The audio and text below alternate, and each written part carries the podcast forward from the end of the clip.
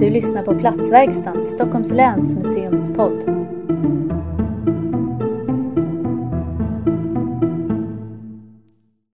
Hej och välkomna till det första av två poddavsnitt som baseras på Fake News, en utställning som producerades av Länsmuseet under förra året. Jag som kommer att försöka guida er genom det här snåriga och mycket komplicerade och även infekterade ämnet heter Lars Fridén och jobbade som producent för utställningen och är intendent på Länsmuseet. Fake news är ju ett begrepp som vi som länsmuseum inte borde använda oss av. Och utställningen handlade egentligen inte om fake news. Om du förväntar dig att gå till en utställning där du matades med falska nyheter och Donald Trump så var det inte riktigt det du mötte. Istället var det en utställning som försökte förstå var vi befinner oss just nu som både samhälle och som individer och som ett politiskt system. Hur ser vi på fakta, kunskap, vetenskap idag? Har det hänt någonting? Är det någonting som är radikalt annorlunda i och med internet, i och med diskussioner vi har om algoritmer, om internettroll, om postpolitisk tillvaro som är annorlunda jämfört med hur vi historiskt sett har förhållit oss till kunskap eller värderat olika sorters information som vi har fått till oss. Jag vänder mig generellt mot beskrivningen att vi plötsligt en dag 2016 blev radikalt mycket dummare eller sämre på källkritik. Den köper inte jag alls. Eh, jag tror att vi har en hjärna som vi är eh, begåvade eller förbannade med. Fungerar på ungefär samma sätt som den har fungerat alltså, hela vår historia. Vi använder rykten som ett sätt att öka vår egen sociala status. Vi använder information vi tror att vår omgivning anser är värdefull för att själva försätta oss i en bättre position. Vi är jätte, jätte, jättesugna på att få våra redan befintliga åsikter om världen bekräftade. Varför vi söker stöd för saker som vi redan tycker och blundar för sådant som talar emot vad vi redan tycker. Och vi är generellt inte så sugna på att eh, eh lyssna på eh, liksom, andra, eh, andra perspektiv om det är så att vi har byggt fundament utav våra världsbilder på det som talar, alltså någonting som står i bjärt kontrast mot de här andra perspektiven. Utan vi har ju, en, vi har ju våra världsbilder liksom och de är svåra att rucka på och har så alltid varit. Så att det finns ett antal ord jag stör mig på vara faktaresistens i ett.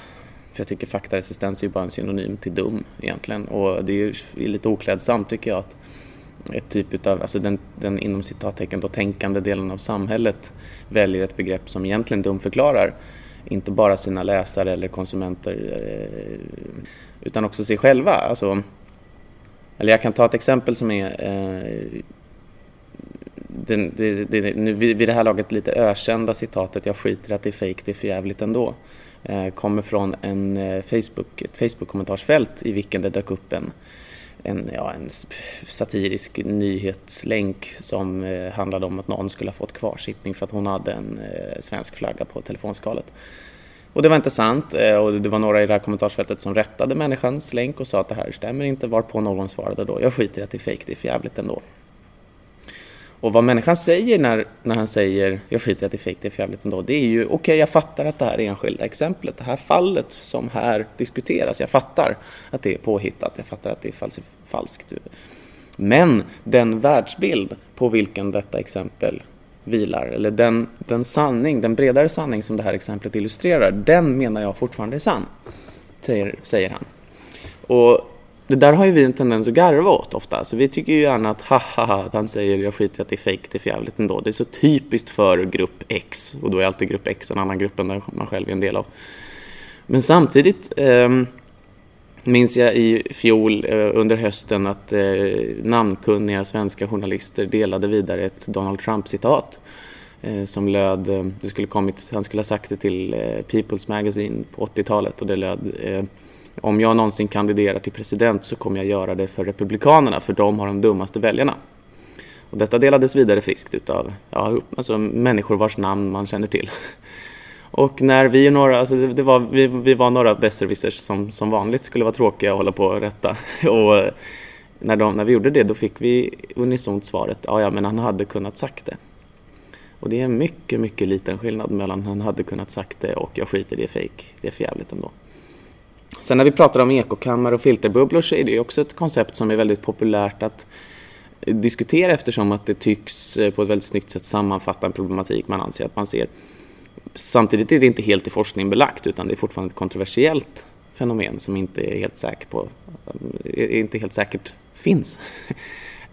Man kan ju samtidigt tänka på, alltså, om vi då försöker jämföra våra, våra liksom buzzwords, de orden som vi i panik på något sätt har hostat upp för att försöka förklara den här, den här världen som vi tycker är så ny, så kan vi också sätta det i kontrast till, jag menar, eh, det finns eh, ganska intressant forskning som pekar på att varför Donald Trump lyckades locka så mycket väljare i USA var för att han använde en, en, en stamretorik där han appellerade till väljares moraliska stammentalitet egentligen. Man, han liksom slöt in dem i, i, i grupper, skapade ett vi mot ett dem och, och, och byggde på det. Och man kan ju argumentera för om man vill att det som man ser på Facebook varje dag, bilderna på ens liksom mer eller mindre nära och kära. Och den likriktning som eventuellt kan bildas i alla sociala nätverk lite oberoende av hur de, hur de existerar, att det är en stam. För att fördjupa den här diskussionen och fånga upp den i all sin liksom mångfald och komplexitet så bjöd vi till utställningen in ett antal experter som fick kommentera och reflektera över just sitt ämnesområde i relation till den här konstiga och spretiga diskussionen om fake news som vi just nu håller på med. Den vi lyssnade på just nu här var Jack Werner som var en av de här inbjudna experterna och podden som vi lyssnar på nu baseras väldigt mycket på, på intervjumaterialet. Utställningen var uppbyggd kring fyra eller fem olika frågeställningar som på olika sätt och utifrån olika perspektiv försökte ställa frågor som besökarna själva måste reflektera kring. Man måste tänka på sin egen roll och man måste fundera på hur jag, mitt beteende påverkas av andra men också ställa kritiska frågor kring varför, varför gör jag som jag gör.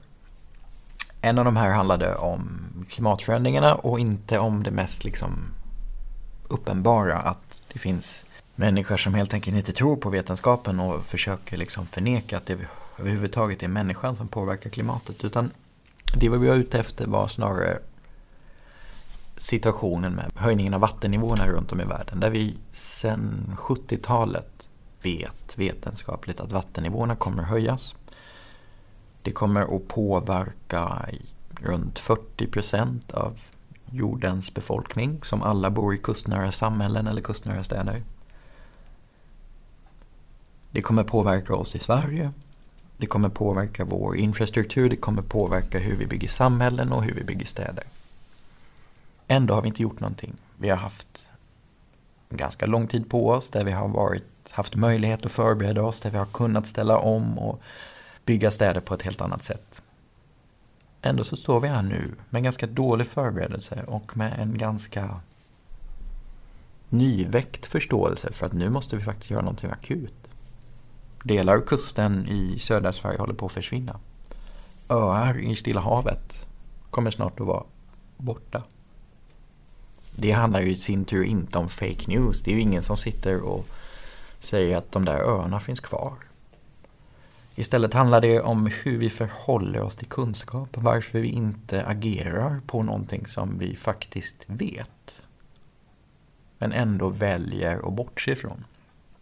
Vad är det inom oss och vad är det i oss som kollektiv som gör att vi, vi struntar i det där?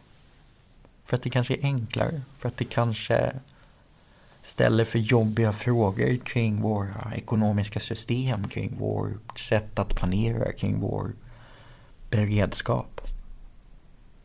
Det finns inga absoluta svar på de här frågorna men vi ville liksom tvinga fram en reflektion och ett samtal med inte minst med ungdomar som besökte utställningen kring vad är det där och vad betyder det? När det gäller klimatfrågan kan man ju konstatera att det har hänt rätt mycket sedan den första rapporten från FNs klimatpanel för över 25 år sedan nu. Dels har ju forskarna i många detaljfrågor blivit betydligt säkrare. Men framförallt så har man blivit mycket duktigare på att beskriva just osäkerheten. Eftersom det handlar om osäkerheter.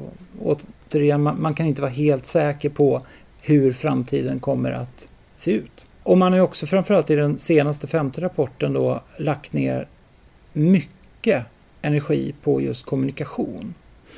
För att som i många andra expertfrågor, om man kan kalla det för det, så är det ju ofta att de experterna kommunicerar på ett sådant sätt så att andra experter med samma bakgrund ska förstå vad de säger.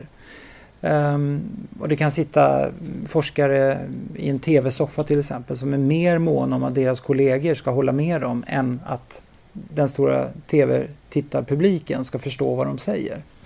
Men där tycker jag verkligen att just FNs klimatpanel under senare år har tagit jättestora steg framåt. Man har verkligen förstått att om allmänheten ska ta till sig det här så måste man tänka några steg till just i kommunikationen. Och då landar man ju i det här jätte, jätteviktiga demokratiska grund problemet eller grundförutsättningen att det går ju inte att få till en tillräckligt stor förändring, en tillräckligt snabb förändring i just en demokrati förrän majoriteten faktiskt står bakom det. Här kan man ju jämföra eh, Sverige och övriga Europa kanske också med exempelvis Kina där ju ledarna bara nästan över en natt förändrade inställning till just klimatfrågan. Från att verkligen motarbeta och, och säga att vi ska fortsätta med kolkraft så väldigt, väldigt fort. Vi ska inte hålla på med kolkraft, vi ska bli världsledande på sol, batterier, elbilar. Och i USA kan man ju säga att det, den marknaden är så avreglerad så där är det ju i princip snarast då eh, kapitalet som styr. Att eh, så länge det går att tjäna pengar på olja, kol, naturgas så fortsätter man göra det. Men den dagen, och den dagen kommer ju snart nu, när man tjänar mer pengar på att inte hålla på med olja, kol, naturgas så kommer ju hela den marknaden också slå om väldigt fort. Eh, men i Sverige och, och de flesta andra länderna i Europa, kanske framförallt norra Europa då, så handlar det som sagt i, i grunden om en demokratisk, ganska långsam process men när den väl landar så blir den ju förhoppningsvis också ganska stabil.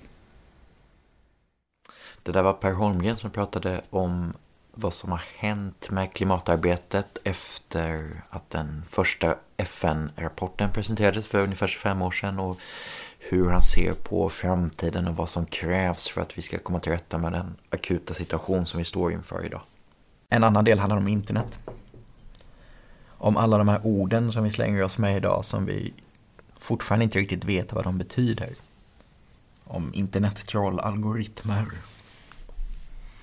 Om filterbubblor, ekokammare.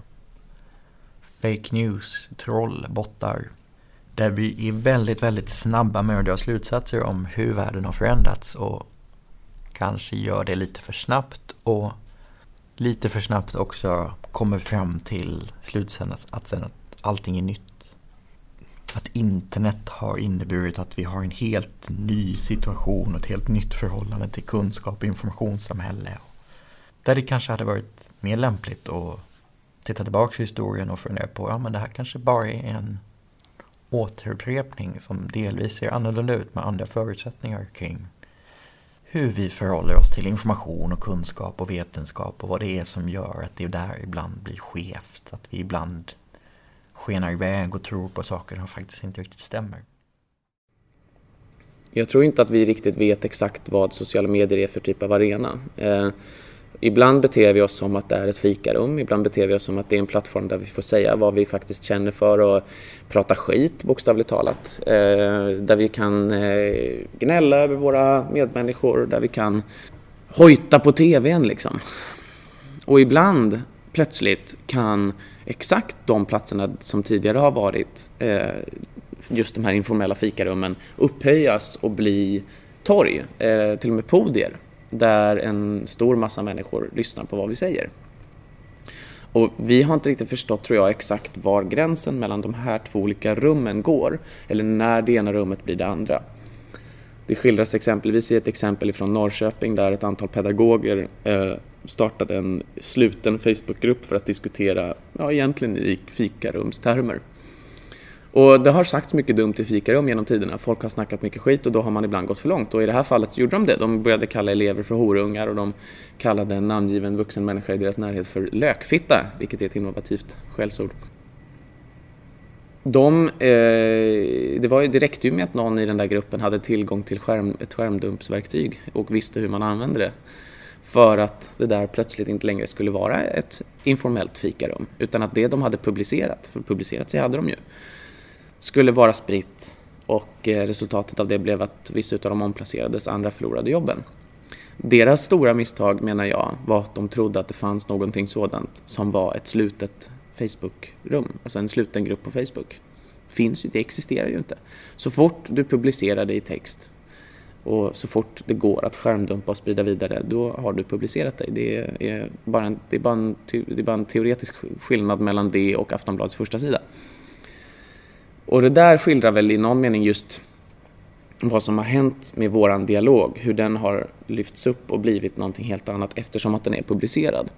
Och eftersom att vi fortfarande inte riktigt har förstått att även talad information, alltså, det finns ett intressant forskningsbegrepp som heter Gutenbergsparentesen som går ut på att under eh, från och med att tryckpressen uppfanns och fram till att internet uppfanns så gällde den så kallade Gutenbergsparentesen, det vill säga att då var information någonting förhållandevis statiskt. Vi gick till en bok för där visste vi att den kvalificerade informationen fanns.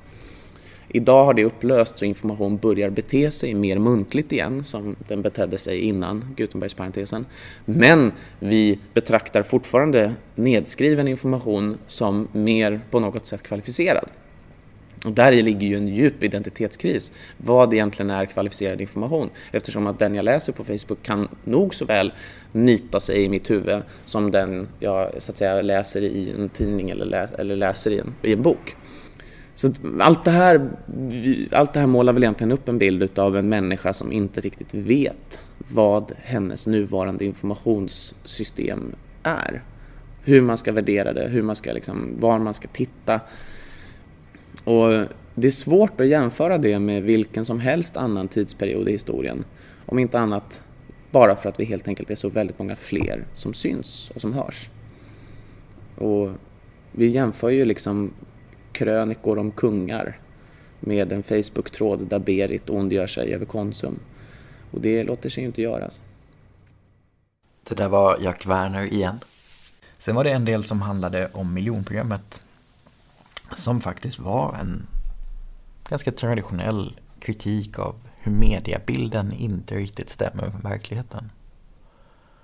Och vad det gäller miljonprogrammet så var den diskussion vi tog upp att att mediabilden av miljonprogrammet har varit väldigt enkelriktat. Sen hade vi en del som handlar om historiska bilder, om hur stereotypa bilder av historien, av, av andra länder, av andra kulturer på något sätt blir så starka att de sätter sig i vägen för en mer nyanserad och korrekt historisk förståelse och beskrivning. En stereotyp bild är en generalisering av eh, en hel grupp människor.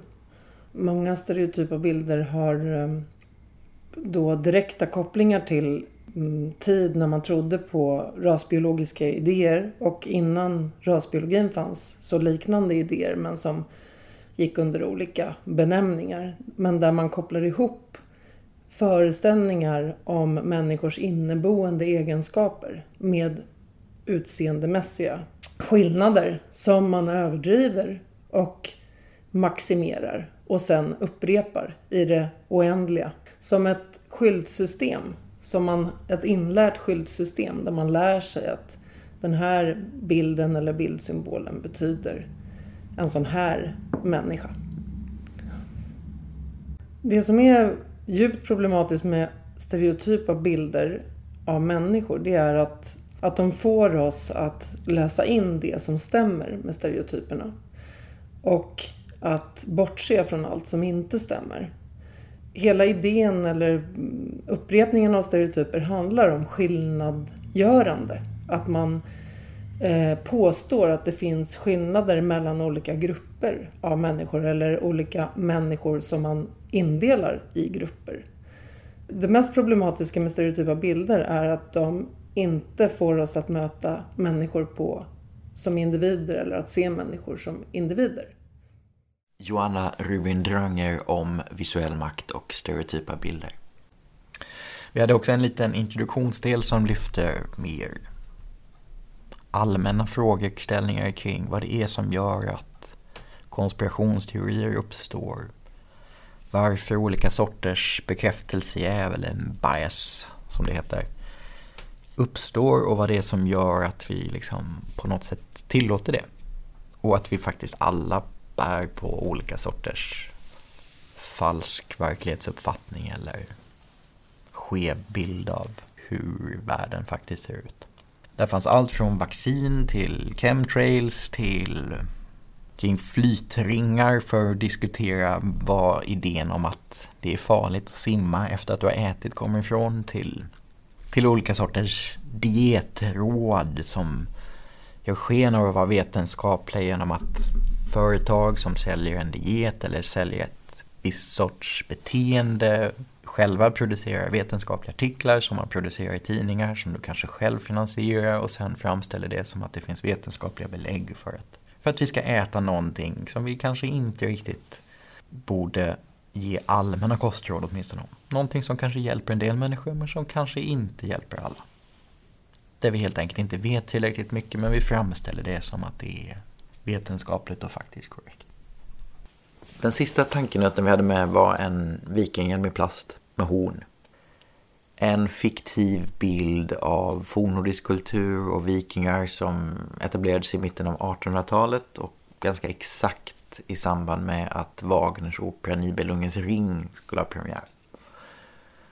Och av den scenograf som på något sätt ville skapa en bild som passade bättre in i den berättelsen som operan presenterade där vikingar framstår som starka i relation till gudomligheter och också bygger in mycket mer den här mytologiska världen. Vi har inga belägg för att vikingahjälmar skulle haft horn eller vingar på sig. Men ändå har den där bilden blivit så pass stark.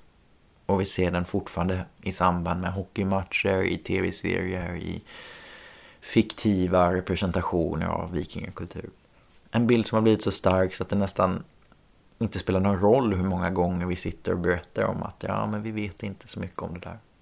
Det vi vet är att vi inte har sett några horn eller vingar när vi har gjort utgrävningar.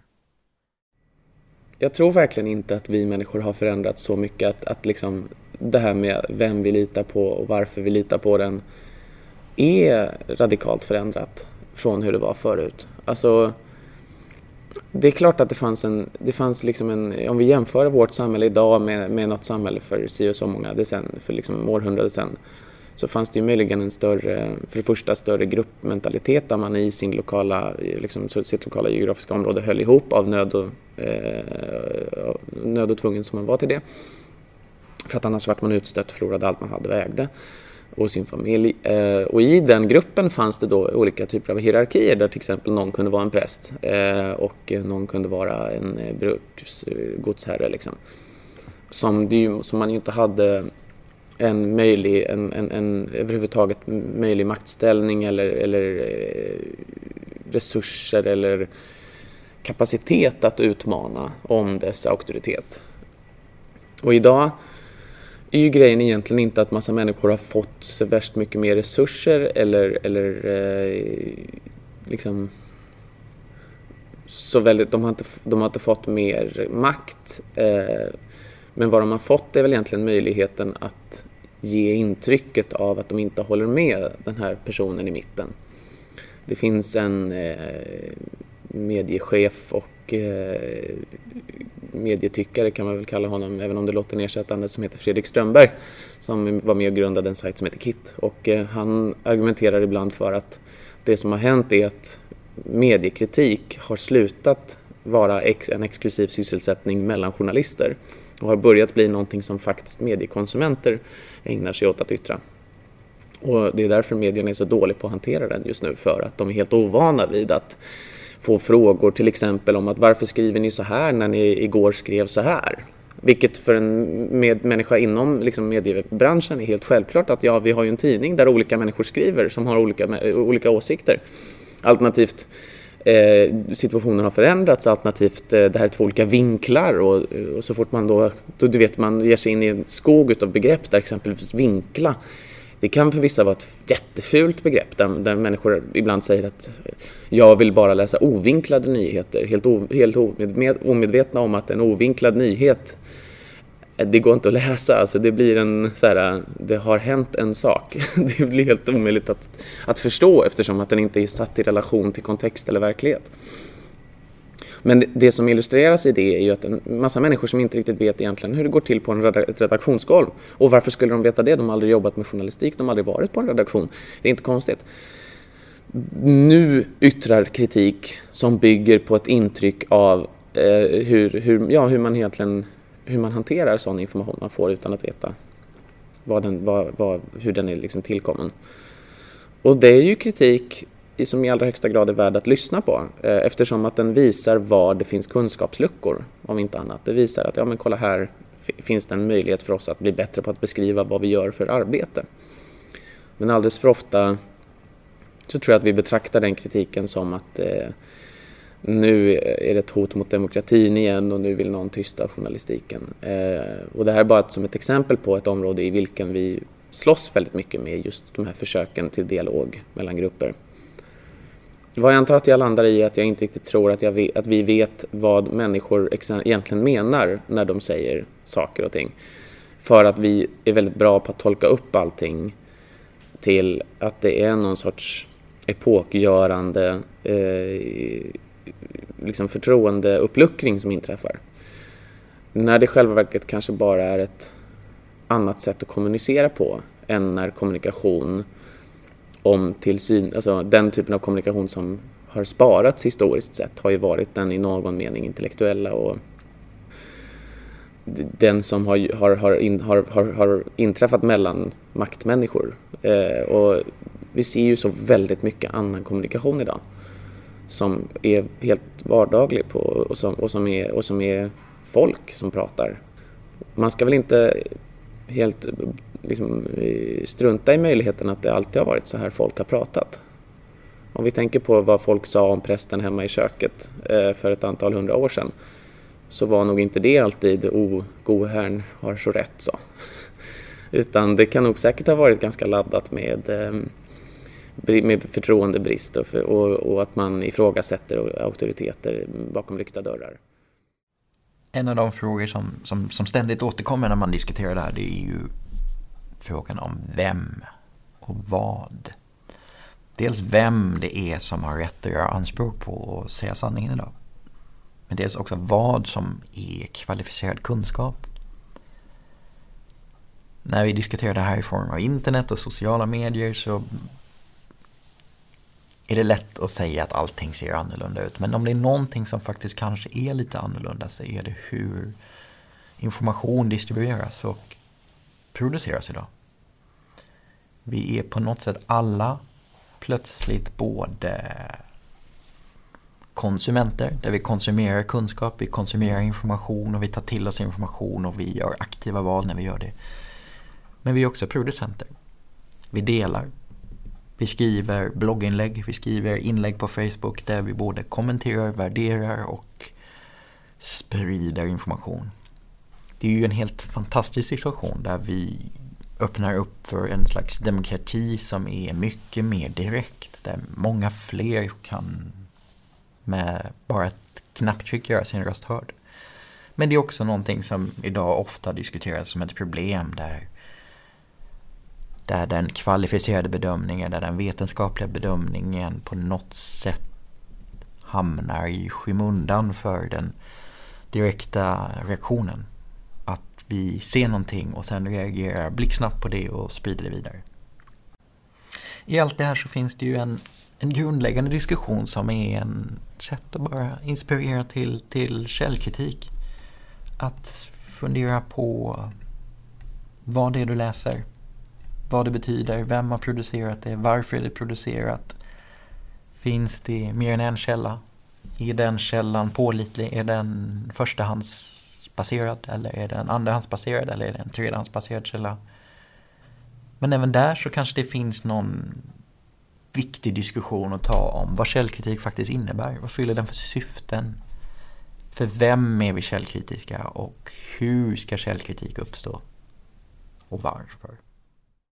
Sen tror jag att vi också måste omformulera lite idén av vad exempelvis källkritik innebär. För källkritik har ju historiskt sett varit ett koncept som mest används för att hålla sin egen intellektuella inredning hyfsat städad.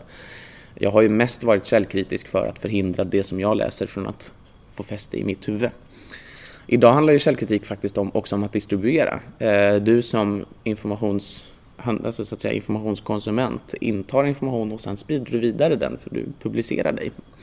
Och det är ju i den handlingen man, måste, man också måste fundera över vad det innebär att vara källkritisk och vad det innebär att vara källkritisk när man för vidare annat till, till sin omvärld.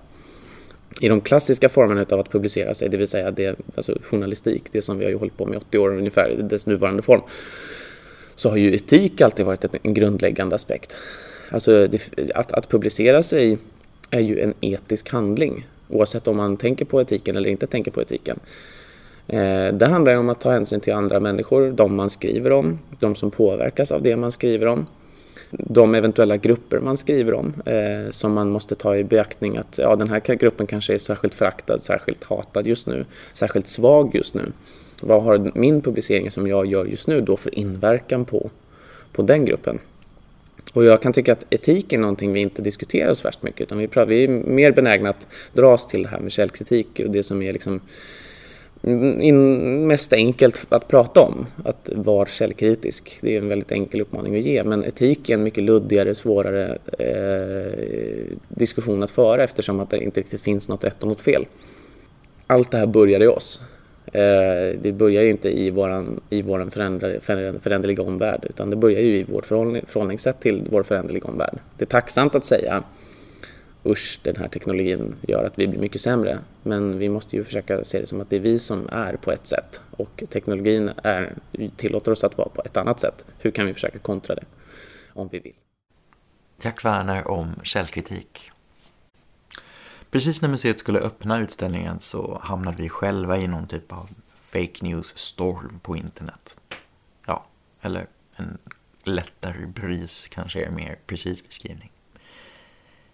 En av museets arkeologer skrev en kritisk artikel i en professionell arkeologisk tidskrift som lyfte frågor om hur uppdragsarkeologin har förändrats. Hur villkoren ser annorlunda ut för den typen av arkeologi som är kopplad till infrastrukturprojekt kring byggen av nya vägar, stadsplanering. Där det ska gå så fort och där resurserna idag ser ganska annorlunda ut jämfört med 10, 15, 20 år sedan. Den diskussionen fångade sen upp ungefär ett halvår senare i en artikel i Svenska Dagbladet. Även här var en ganska bra diskussion om olika rollfördelningar, en kritisk diskussion om vem som gör vad, om vad museernas roll är, om hur kulturarvet ska förvaltas och om vi kanske kan göra bättre. Den diskussionen var i sig ganska ideologisk, men högst relevant och inte minst viktig för oss som museum. I nästa steg så exploderade det. Den här lilla tråden fångades upp av intressen långt ut på högerkanten i USA och runt om i världen och blev till en diskussion om hur kulturarvsinstitutioner i Sverige vill förvanska vår historia och med ideologiska motiv skriva en historia som inte stämmer. Vi smälter ner föremål från vikingatiden för att istället lyfta fram en mer normkritisk och feministisk historieskrivning den diskussionen nådde ut till hundratusentals människor runt om i världen. Och mitt i allt det där så står vi som museum och hur ska vi hantera det här? Det här stämmer ju inte. Så här är det faktiskt inte och vi gör inte allt det här som vi blir anklagade för. Hur ska vi bemöta det? Brisen la sig ganska snabbt och jag tror att vi hittade tillbaks till en mer liksom, faktisk beskrivning om vad det är som händer det som kändes synd efteråt är ju att, att den viktiga diskussionen om vad och vem som gör vad i kulturarvsarbetet på många sätt blev helt omöjlig. För både vi som museum och alla andra aktörer som blev involverade i det här måste bara försvara sig. Vi måste bara positionera oss och försöka hävda att vi fortfarande är professionella istället för att kunna gå in i diskussionen om att vi kanske borde jobba på ett annat sätt i allt det här fokuset som vi samtidigt lägger på källkritik så finns det också en risk att vi, att vi helt missar att ganska mycket av det som sker i informationssamhället, i nyheter, faktiskt inte går att faktagranska. Att vi är för besatta av att sätta gröna, gula eller röda tummar på, på ett uttalande och helt enkelt slutar och lyssna på vad det faktiskt är vi säger eller hur vi säger det eller nyanserna i språket eller vad det är som, som gör att vi uttrycker oss på just det där sättet. Att vi inte längre kan förstå satir, att vi är för snabba med att dra slutsatser. Och med det sagt vill jag tacka för mig och önska er välkomna tillbaks till nästa avsnitt där vi kommer dyka ner lite mer i några av de här exemplen som jag nämnde tidigare. Tack så mycket och välkomna tillbaks. Du har lyssnat på Platsverkstan, en podd producerad av Stockholms läns museum. Vill du veta mer om oss och hitta fler avsnitt? Gå in på stockholmslansmuseum.se